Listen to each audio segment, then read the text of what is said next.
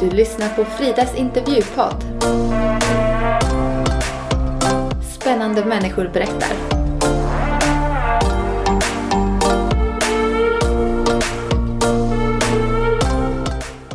Det är inte varje dag man får höra en intervju från någon som levt i början av 1900-talet. Men i det här avsnittet ska ni få göra det. Elsie Lundeborg berättar om uppväxten i Västerbotten, andra världskriget och hennes spännande resor och uppdrag utomlands, bland annat till Tanzania och krigshärjade Somalia. Det finns mycket att berätta på 90 år och därför är denna lite längre än 30 minuter. Läs gärna hennes bok för att ta del av hela livsberättelsen. Så gick hon och hon, hon ropade till mig då. Hello Elsie, hello, welcome back to Garoe. You look beautiful, sa hon. You look beautiful. Fat and beautiful. Hej Elsie! Vad roligt att jag får komma hem till dig idag och eh, intervjua dig. Ja, det är ju spännande. Ja, och du, som jag sa tidigare här så är ju du den äldsta jag har intervjuat. Mm. Och det känns verkligen som en ära. Hur gammal är du? 29, 80, 80 år. 29 år! 29 som alltid. Nej, men jag är 89 år. 89, Mm. ja. Så du fyller 90 nästa år Ja. alltså. Jag har precis läst ut din bok. Du är ju 89 år och har släppt en egen bok. Det tycker jag är jättehäftigt. Din bok som heter Det är spännande att vara kristen. Hur kom du på det? Att skriva en bok? Ja, det, i 30 år så har människor frågat mig, ska du inte skriva? Och du måste skriva. Och jag har alltid lagt ifrån mig det där och tänkt att nej, det, jag har inte tid. Men så träffade jag Marianne då som är, har förlaget. Och då sa hon, du måste skriva. Jag redigerar, sa hon. Och då började jag tänka på det. Då tänkte jag kanske. Men jag är ju synskadad så jag har inte möjlighet att skriva som vanligt. Utan jag använder min läsapparat. Och jag fattar inte själv hur det gick till. Men jag har faktiskt skrivit, handskrivit alltihopa. Wow! Mm. Och en bok blev det. En väldigt spännande bok. Jag var väldigt berörd när jag läste den. Ja, Så varje, varje natt så kom det upp nya minnen. Så, som jag då använde dagen efter. Mm. Ja. Spännande. Och vi ska ju få ta del av din eh, berättelse lite grann här i poddavsnittet. Eh, Om vi börjar från början så föddes du ju du 1932. Mm. Det är ju långt innan många av oss var födda. Ja, Så jag blir så nyfiken att höra, hur var det på den tiden att växa upp på 30-talet? ja, alltså det var ju eh, väldigt fattigt i Sverige då. Det var ju depression i hela världen faktiskt. Och eh, det gjorde att det var ont om saker att köpa och sådär. Men, men vi hade ju ett jordbruk så det gick ju bra. Vi var ju självförsörjande mer eller mindre. Så att vi, vi led ingen nöd. Det gjorde vi inte. Det var ett enkelt liv. Vi jobbade mycket. Alla i familjen hjälpte till. Så det var en väldigt bra gemenskap. Och eh, både mamma och pappa var ju hemma hela tiden. Så att jag har aldrig varit med om att, att eh, vara ensam. Utan eh, familjen var där hela tiden. Och vi åt alltid måltider tillsammans. Och vi, vi satt alltid vid samma bord. Och vi pratade väldigt mycket. Och eh, min pappa älskade musik och sång. Och det gick ju över då till, till barnen, särskilt eh, mina andra syskon. Ja. Och vi sjöng och, och spelade mycket. Oj, vad Så vi härligt. hade roligt. Ja. Väldigt roligt. Mm. Oj, vad härligt. Det Mm. låter väldigt idylliskt. Ja, det var Ja. faktiskt det. Det tror jag. I efterhand så kan man se det så. Mm. Tror du att man hade mer tid för sin familj? Absolut, absolut. Mm. Ja. Och ni hade ju jordbruk och var självförsörjande sa Ja. du. Hur såg det ut för eh, lilla Elsie? ja, jag tyckte om att jobba tillsammans med de andra. Och det var ju så att i, det var inte tal om barnarbete. Utan det var ju bara det att man ville vara med. Ja. Ja, och man gjorde så mycket man kunde och orkade. Man, det var inget tvång att man skulle gå över sina gränser inte, utan, utan alla var ju förstående. Men alla gläd, gladde sig åt att man kunde hjälpa till. Och eh, när jag läste din bok så kunde jag ana en liten envishet hos dig som barn. Eh, skulle du beskriva att du var envis när du var liten? Inte bara då, jag är det fortfarande. Det är det fortfarande. Du drog ut din tand i ett snöre. Ja. Var det något annat som, eh, som visar på envishet när du var liten, som du minns? ja, jag var ju väldigt eh, tjurig. Alltså jag gav, in, gav mig inte. Alltså om jag hade en åsikt så gav jag mig inte. Och mina, särskilt mina äldre bröder, de blev ju arga på mig för att jag aldrig gav mig. Utan, utan jag höll min åsikt i alla fall, vad de än sa. Ja. Och sen började du skolan också. Hur var det i skolan? Jag älskade skolan. Ja, jag, jag ville ju börja tidigare om jag hade fått göra men man fick ju inte börja förrän man var sju år. Och det var ju många som, när jag läste din bok, att det var många som uppmuntrade dig att studera vidare och så. Ja, men det var inte så vanligt. Eh, Min bror var ju den första som tog studenten i byn. Så att det var inte vanligt att man gjorde det. Nej. Sen jobbade du också som barnflicka och studerade i Stockholm. Mm. Så du var ju väldigt driftig. Blev också folkskollärare i Falun. Ja, Du har ju upplevt en del av andra världskriget också. Mm. Hur var det som... ja, det glömmer jag inte. Och även nu när man talar om andra världskriget så tänker jag, jag kan känna det i min, inom mig, hur det var. För att det var en, en dold fruktan, tror jag, hos människor, vuxna människor, att det skulle komma även till Sverige. Man hörde ju på radion om kriget i Tyskland och ockuperingen av Norge och Danmark och, och så. Och finska kriget var ju fruktansvärt då. Och det var ju runt om. Och man var ju rädd att det skulle komma till Sverige. Så att någonting av den, den fruktan tror jag att man fick med sig som barn. Fast man inte förstod det riktigt. Hur uttryckte det sig hemma hos er? Jag tror att jag sagt det också i boken att pappa han gick in i kammaren och stängde dörren och där satt han och lyssnade på radion med Hitler och, och, och att man kunde höra, jag kan ännu höra Hitlers röst faktiskt. Hur den, den skar igenom på något sätt. Och så var det ju det här med ransor, ransoneringen, att vi, det var ju väldigt mycket ransonering och speciellt kännbart var det ju att inte få köpa kaffe. Det Ja. tror jag var det värsta. Det var det. ja, svenska man- folket älskar kaffe. Ja, Men sen så vände ju det kriget. Vill du beskriva någonting av den upplevelsen? det var, det var en fantastisk glädje då 45 när, när det var klart att, att det var fred. En fantastisk upplevelse och jag har ju sett bilder från Stockholm, från Kungsgatan där folk jublade och dansade och, och hade paroller och, och sådär. Och det var tal och musik och alltså det var en sån glädje och en sån lättnad när, när eh, kriget var över. Och ändå hade inte vi varit med i kriget. Nej, nej. Så man förstår ju varför norr, norrmännen till exempel firar 17 maj. För att för dem blev det ju en helt annan lättnad. Ja. Och vad som slog mig när jag läs, läste din bok är vad mycket du har gjort och vad många städer. Du har ju bott i nästan varenda stad i Sverige känns det som. Ja, men det, det hade, när jag då var färdig som folkskollärare, då hade jag det som mål att jag skulle se Sverige. Så det var därför jag sökte nya tjänster i olika landsdelar. För att jag ville se Sverige och det, det tycker jag själv nu är bra. Faktiskt. Mm. Ja, ja, du har verkligen fått se Sverige från norr till söder.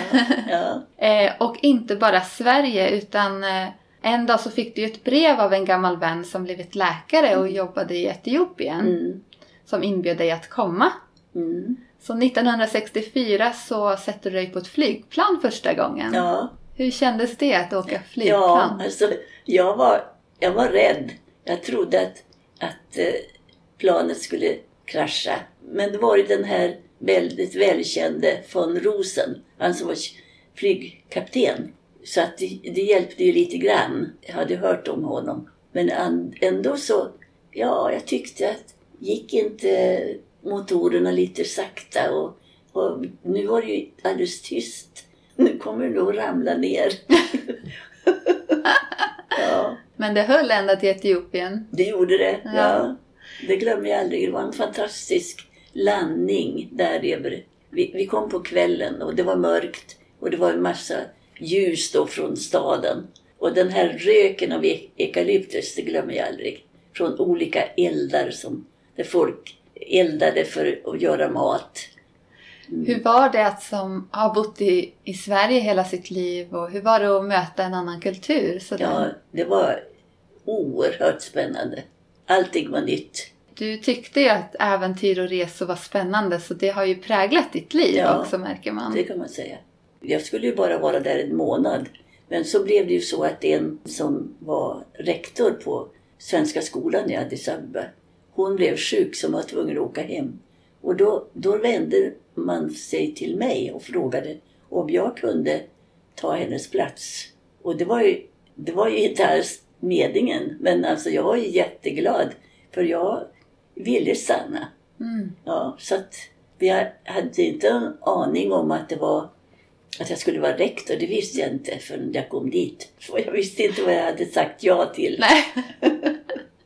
så plötsligt var du rektor i Ja. Etiopien. Ja, fast det var ju en liten skola. En liten skola. Men ändå. Ja. Du skriver om Brita att hon gjorde stort intryck på dig. Britta, ja. Mm. Jo, alltså hon var, hon var så varm och så otroligt omsorgsfull. Jag hade ju sagt ifrån mig allt kristen tro då. Hon kunde ju ha vänt mig i ryggen, men det gjorde hon inte. Ja, hur var din relation med Gud när du kom till Etiopien? Nej, jag var ju emot. Jag hade ju kämpat i flera år för att bli fri. Och, och det ville jag vara också. Jag tror att jag hade fel gudsbild. Alltså, då när jag var tonåring. Jag trodde att Gud krävde en massa av mig som jag inte kunde uppfylla. Men jag tror att det var inom mig det mesta, alltså att jag var så lagisk. Och jag var, jag var tvungen att, att prestera, att vara så där bra som jag trodde Gud ville jag skulle vara. Och det orkade jag inte. Jag tror att det var 13-14 år i alla fall som jag hade varit borta från Herren. Och eh, Gud bara, bara kom. Och särskilt när jag åkte bil. Han bara fyllde bilen. Jag, hade en massa slagers i huvudet trodde jag. Men det var ju inte, det var ingen av dem som kom in. Utan det var ju gamla sånger från Sions toner som ringde i mina öron. Och då började jag tänka, men varför sjunger jag det här? Ja, på något sätt så började jag tacka för att jag var så glad. Jag, jag var så lycklig. Så kände jag, men vad är det jag gör? Jag, jag ber ju. I början så var jag lite arg på mig själv för att jag gjorde det. Men sen så tänkte jag, men det, jag blev lite glad på grund av det. Så det var liksom en, en brygga tillbaka. Och så var det ju många människor som bad för mig. Det har jag önskat att det ska komma fram i den här boken. Vikten av bönen. Och, och att människor som trofast år efter år ber för någon, att de blir bönhörda förr eller senare. Mm. Eh, och sen så fick du erbjudande om att jobba som lärare på en flickskola i Moshi i Tanzania. Mm. Och det var året 1969. Mm. Det var i, på Ashira, det var alltså fyra mil från Moshi. Det var uppe i bergen, uppe i Kilimanjaro. Sluttning. Så du åkte tillbaks till Afrika. Ja, Hur var det? Ja, Tanzania är ju ett helt annat land. Etiopien har aldrig varit koloni så som Tanzania har varit. Jag upplevde ju att tanzanianerna hade en annan attityd. Det kunde vara mera konflikter mellan vita och svarta om jag säger så. Och det kunde också vara det att vita fanns till exempel uppe i bergen där så var det många kaffefarmer och bomullsfarmer och så. Där man, och vetefarmer där vita var ägarna och hade många arbetare som var tanzanianer. Så det fanns en liten klyfta där mellan de rika och fattiga. Har du någon eh, fint eller roligt minne från den här klassen du var lärare för? ja, jag hade alla, alla och det var, det var ju tonåringar, de var ju mellan 13 och 20 år ungefär. Och de var ju fantastiska. Men vi stora klasser, vi hade ju över 40 stycken i varje klass. Det var inte så lätt för oss med alla dessa namn. Jag menar 300 flickor som har olika namn. Och, och det är inte lätt att lära sig alla dem. Och, och då visste de ju det, så de bytte ju namn ibland till varandra. Bara, bara för att göra det ännu svårare. Oj, oj, oj.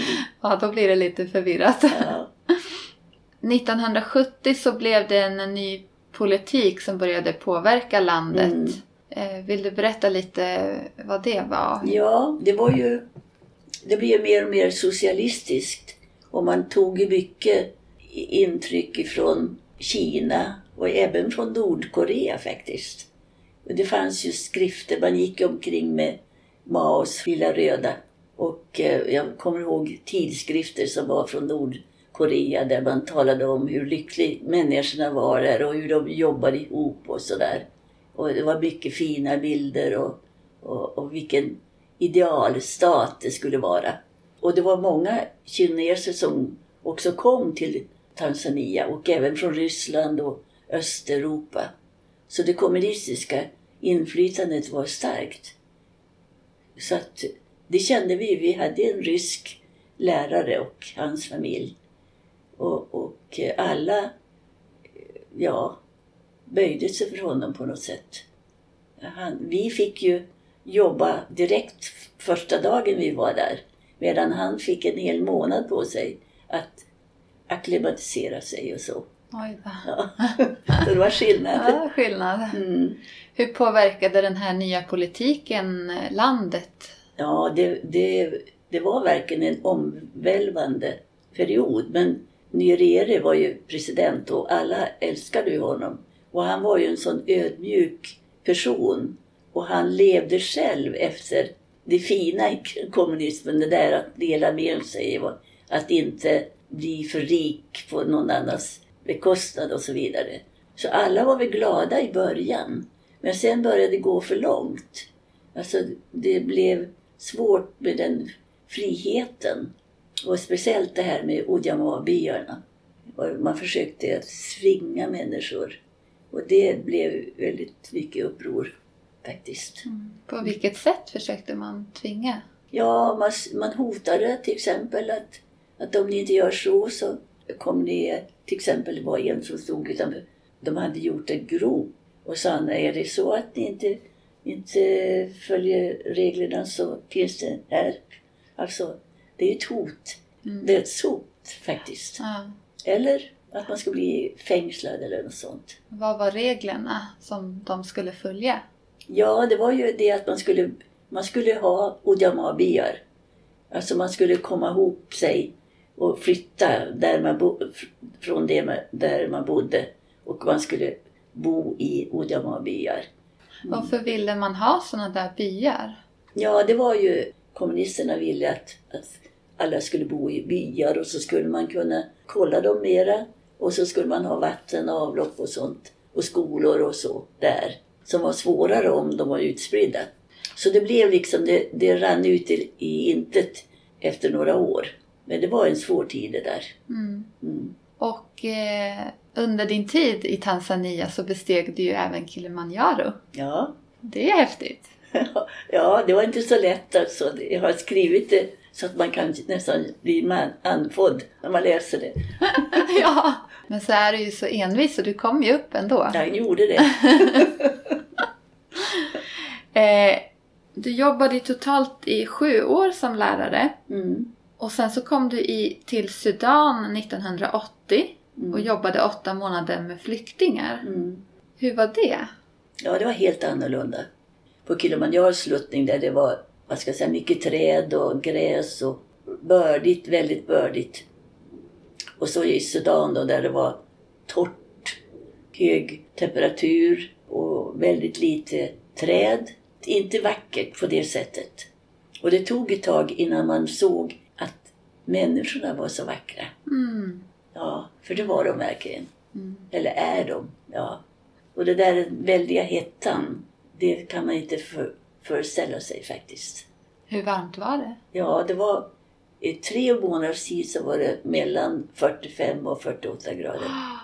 Och det var ju på dagen och så på natten så var det ungefär 39-40 grader. Det... Och när det går över eh, kroppstemperaturen då mår man inte bra. Oj, oj, oj. Så du jobbade i den värmen? Ja. Vi bar ut våra sängar på, på kvällen och, och låg under bar himmel. Och det var underbart. Det saknar jag verkligen. Oj. Fantastiskt underbart. Det var inga insekter. För det, insekterna, det var för torrt för dem att leva där också. Det fanns lite fördelar Ja. med värmen. Ja, Ja. Hur var det att möta så sargade människor som flyktingarna var? ja det var svårt. Det var svårt för jag, jag bestämde ju för att jag skulle låta dem berätta. Så det gjorde jag varje förmiddag. Att jag lät dem berätta. Och det var ju fruktansvärda historier. Och det är klart, det kan man inte lyssna på hur mycket, som helst utan att själv bli berörd. Mm.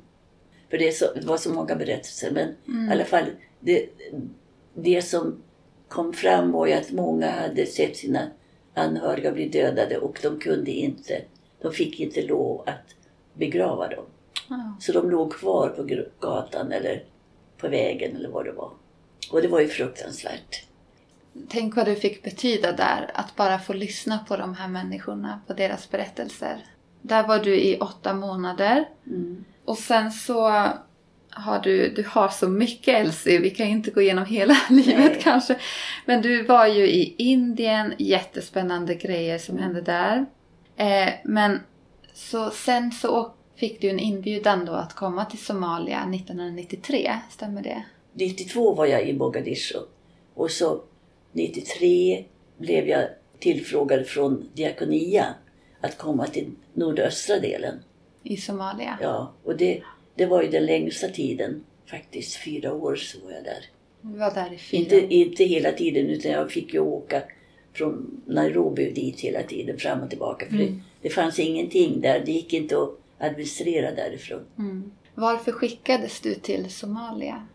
Ja, det har skrivit om det också. Att jag hade ju varit med i Indien-teamet då och le- varit ledare för det i sju år. Och kände då att nu ska jag sluta. Då tänkte jag att nu, nu är jag 60 år. Nu, nu ska jag ha det bekvämt. Och nu vill jag inte, vill jag inte ligga på plankor och så längre utan nu vill jag ha en riktig säng. ja. Så att jag, jag bestämde mig för att jag skulle, nu ska jag sluta och nu ska jag ha det bekvämt. Men jag hann ju mer, inte mer än tänka på det. Så kom ju då Maj-Britt Lindgren en dag när vi åkte, skulle åka buss till Sala. Och så sa hon, kan du åka till Mogadishu? Det är bråttom. Kan du åka? Och det, det är katastrof. Och jag blev ju lite så här. Jag har ju nyss bestämt mig för att jag ska vara bekväm. Så att jag svarade inte ja eller nej på det där. Men då när jag åkte hem någon dag efteråt så då fick jag det här tilltalet på, på väg, Nordbyvägen faktiskt. Jag känner, vet precis vad det var. Så hörde jag liksom en röst. Jag kan inte säga om, om det hörde den innanför eller utanför, det vet jag inte. Men den var väldigt tydlig. Vad har du för rätt att tänka på din bekvämlighet när tusentals människor svälter? Jag blev alldeles skakad av det där så att när jag kom hem så la jag mig på sängen och tänkte Ja, jag har faktiskt inte någon som kristen har jag inte någon rätt att tänka på min bekvämlighet. Så till slut så efter några dagar så, så hade jag beslutat mig för att jag skulle åka. Mm. Mm. Så då upplevde du att Gud talade Ja, till dig att åka dit? precis. Ja. Hur var det att komma till Somalia första gången? Det var helt annorlunda. Alltså alla de här länderna är olika. Ja. Och inte minst människorna. Alltså somalier är helt annorlunda än vad Tanzania, tanzanianer är, eller etiopier. Ja. Du tog upp någon eh, kvinnosynen också där i, i Somalia. ja, i de flesta muslimska länder så är det ju mannen som visar sig ute i myndigheter och så vidare. Det är han som för talan. Medan kvinnorna är hemma. Det är de som har ansvar för barnen. Och de, de får inte gå ut och, och vara offentliga personer om de inte har en man med sig. Och då är det ju oftast maken eller pappan eller någon farbror eller så så att man kan inte gå ut själv. Och, och det är ju helt annorlunda än... Men nu var det ju så att inbördeskriget förändrade en del av det för att väldigt många kvinnor hade förlorat sina män. Och de var tvungna att ta ansvaret själva. Det är de som, som sitter på torget och, och säljer grejer. Och det är de som tar in pengarna till familjen. Så att det, kvinnorna fick makt på det sättet och det vet jag, har jag hört förut också till exempel. Det var likadant under kriget, andra världskriget i Tyskland. Att många kvinnor, alltså de var tvungna att ta allt ansvar för att männen hade dött i kriget. Så att det, det här är intressant tycker jag. Mm. Så det var oerhört starka kvinnor, särskilt i Garå där jag var. Mm.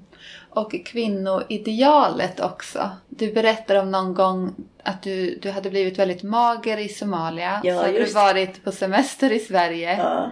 Och så kommer du tillbaks. Vad hände då? Ja, då, då hade jag ju ätit upp mig så att säga, mm. som man säger. Och ätit god mat och sådär. Och så kom jag tillbaka och då var det en kvinna som, som gick på andra sidan torget. Det var en öppen plats så här. Och så, så gick hon och hon, hon ropade till mig då. Hello Elsie, hello, welcome back to Garoe. You look beautiful, sa hon. You look beautiful. Fat and beautiful. Fat and beautiful. Ja, Fet och vacker. Ja. ja, vad härligt. Eh, upplevde du någon kulturkrock i ja, Somalia? Ja, många. Väldigt många. Eftersom jag var ensam. Jag var ensam svensk och jag var ensam europé ibland. Inte alltid, men ibland. Och sen var jag ensam kvinna.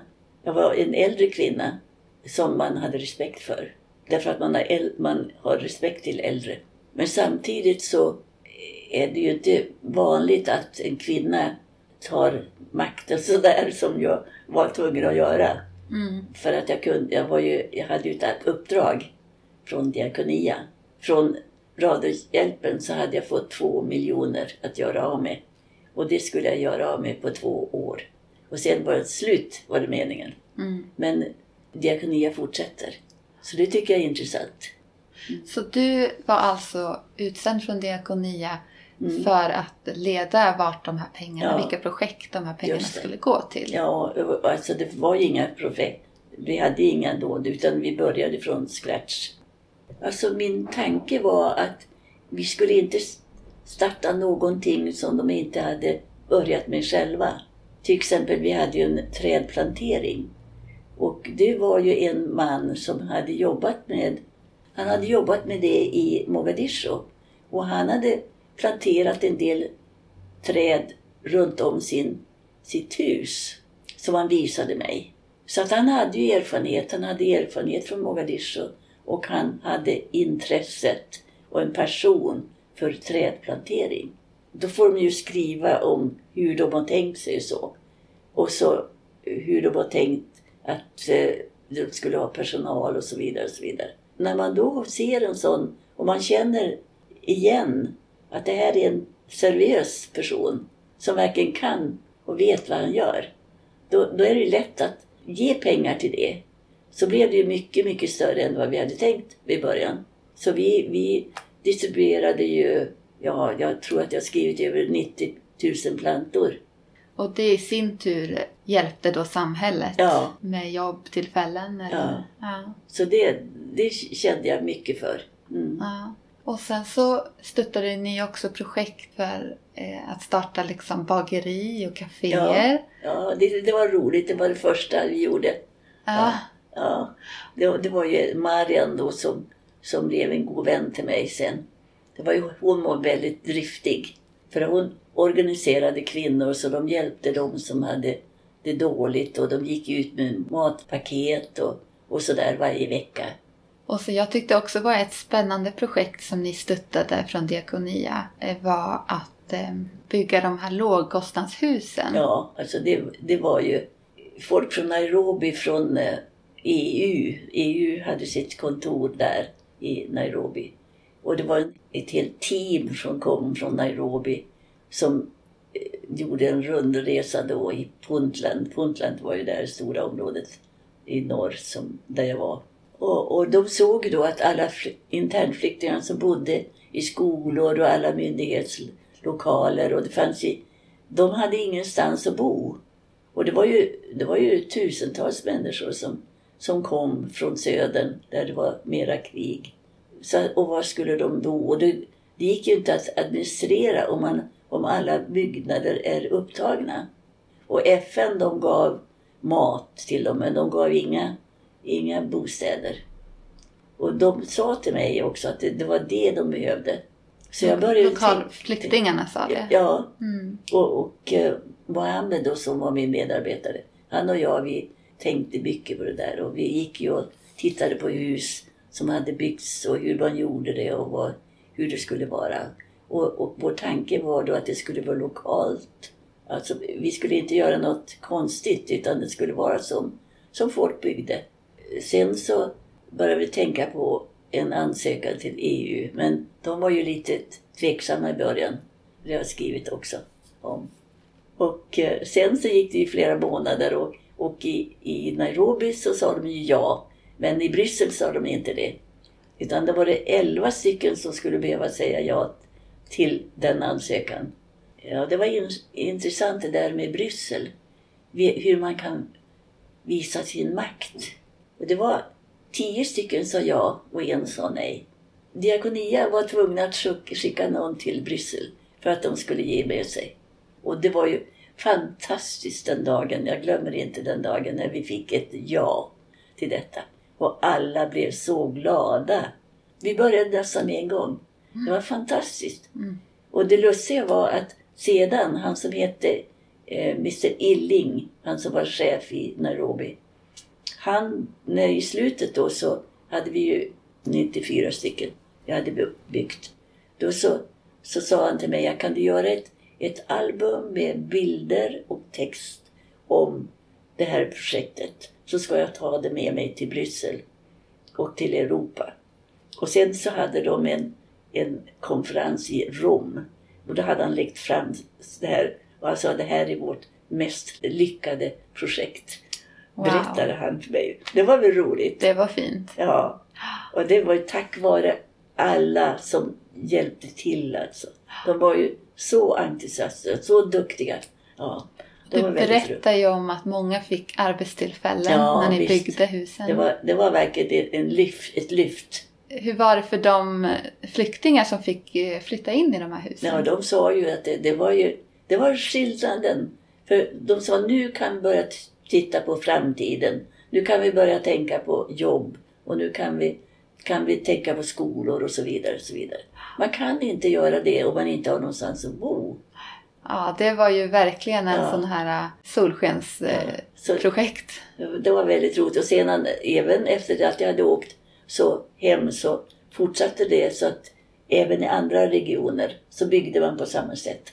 Du kommer ju till Somalia ja, mitt i ett krig egentligen. Mm. Vill du beskriva de här oroligheterna i landet? Ja, Vad handlade det om? Det, det var det att, att det, det var ju aldrig säkert. Utan det blossade upp lite nu och då. Även i Garå så var det ju sådana som inte ville ha fred. Och så är det ju. Det finns ju de som gor sig på krig. Även i, i vår tid.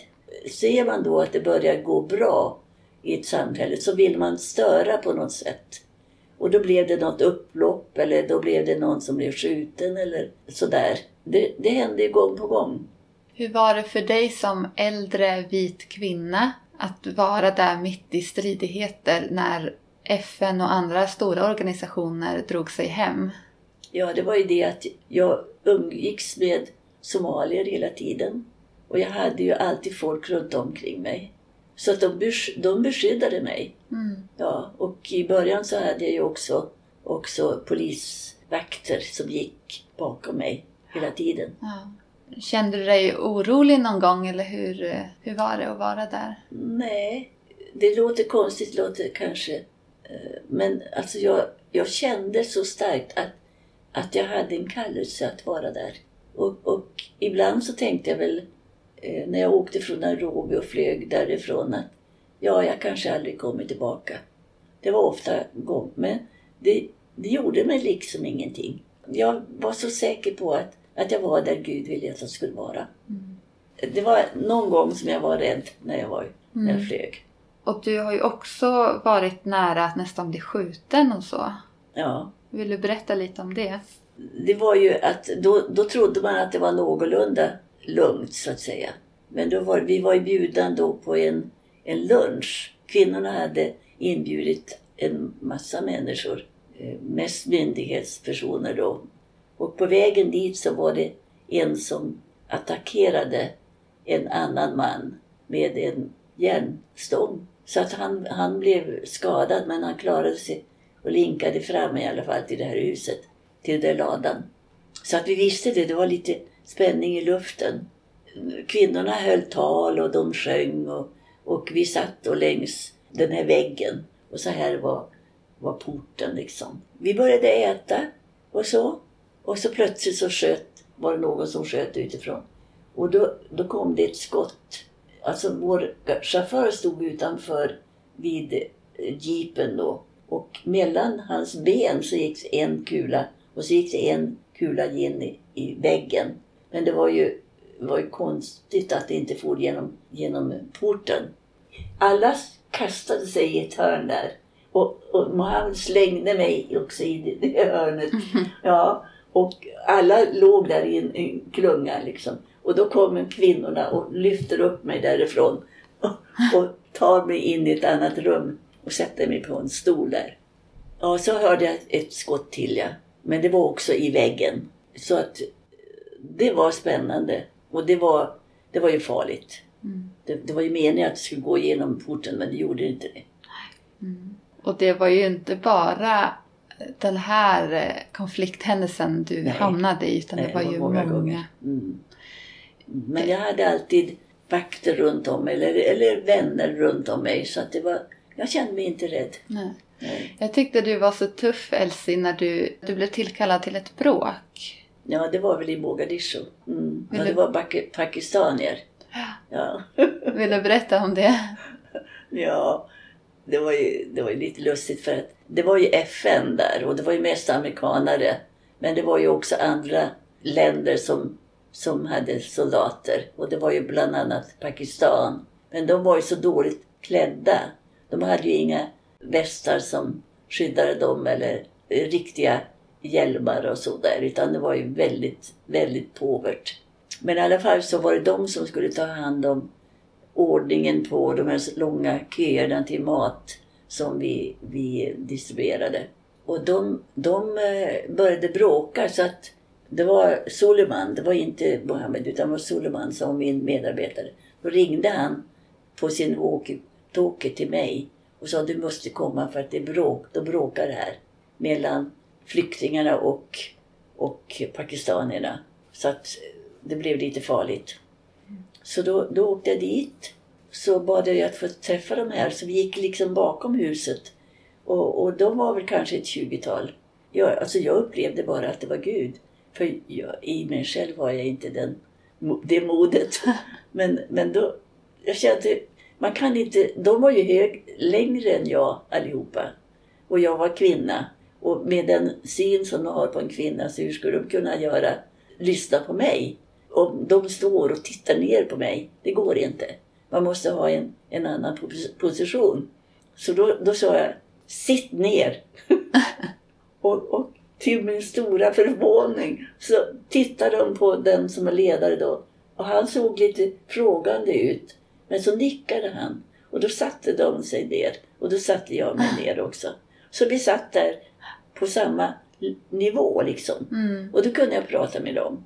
Och eh, ja, det blev ju bättre. Du beskriver dig själv som en sorts amatör. Ja, Men du fick ju göra allt från att ha kontakt med FN, myndigheter, vara på marken i stridigheter och betyda så mycket för landet på olika sätt. Vad känner du när du tänker tillbaks på den tiden?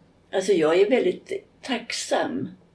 Jag är tacksam för det jag fick vara med om. Och jag upplever verkligen att Gud var med hela tiden. Och det sa de ju också, alltså myndigheterna sa till mig, eh, när det var något problem, då sa de till mig, can, can you use your magic. Då sa jag, det är inte magi utan det är Gud, sa jag. Så att de är vana vid det. De är vana att jag, att jag pekade uppåt. Och, och det var inte magi. Mm. Och du visste att eh, det Ja. var inte bara du som Nej, var där utan nej, Gud var inte. med dig. Ja, nej, jag tror aldrig jag varit, känt mig så ledd som jag gjorde där. Mm. Och det är roligt och det är därför som jag också har den här titeln. Att det är spännande att vara kristen. För det är det verkligen. Alltså om Gud leder, då är det spännande. Mm. Och att, att man ska veta att han kan tala till en. Till sist här nu till de som har lyssnat på din berättelse. Är det något som du skulle vilja säga eller få med här på slutet? Ja, alltså min bön är när det gäller boken att den ska visa två saker. Det ena är hur trofast Gud är. Trots att jag lämnade honom så lämnade han inte mig. Och, och jag hörde häromkvällen att Gud, han skapar, han skapar ju oss. Skaparen längtar efter den han har skapat. Alltså att Gud längtar efter oss som, vår- som han har skapat. Det är inte bara vi som längtar efter Gud. Det blev liksom så tydligt för mig. Och, och den här relationen tycker jag är fantastisk. Och jag skulle vilja att människor som läser boken ska få se hur trofast Gud är. Alltså trots att jag lämnade honom så lämnade han aldrig mig. Det är det ena. Och det andra är bönens betydelse. Gud hör bön. Han hör varenda bön vi ber. Och sen kanske vi får vänta länge på svaret. Men att han svarar förr eller senare. På något sätt. Tack så jättemycket Elsie. Eh, vart går det att köpa din bok? Ja, det, det går att köpa genom bokus.se. Det går att köpa här hos mig. Ja. Ja. Som jag har gjort. eh, tack Elsie för att du har delat med dig av din eh, livsberättelse. Det är en ära att få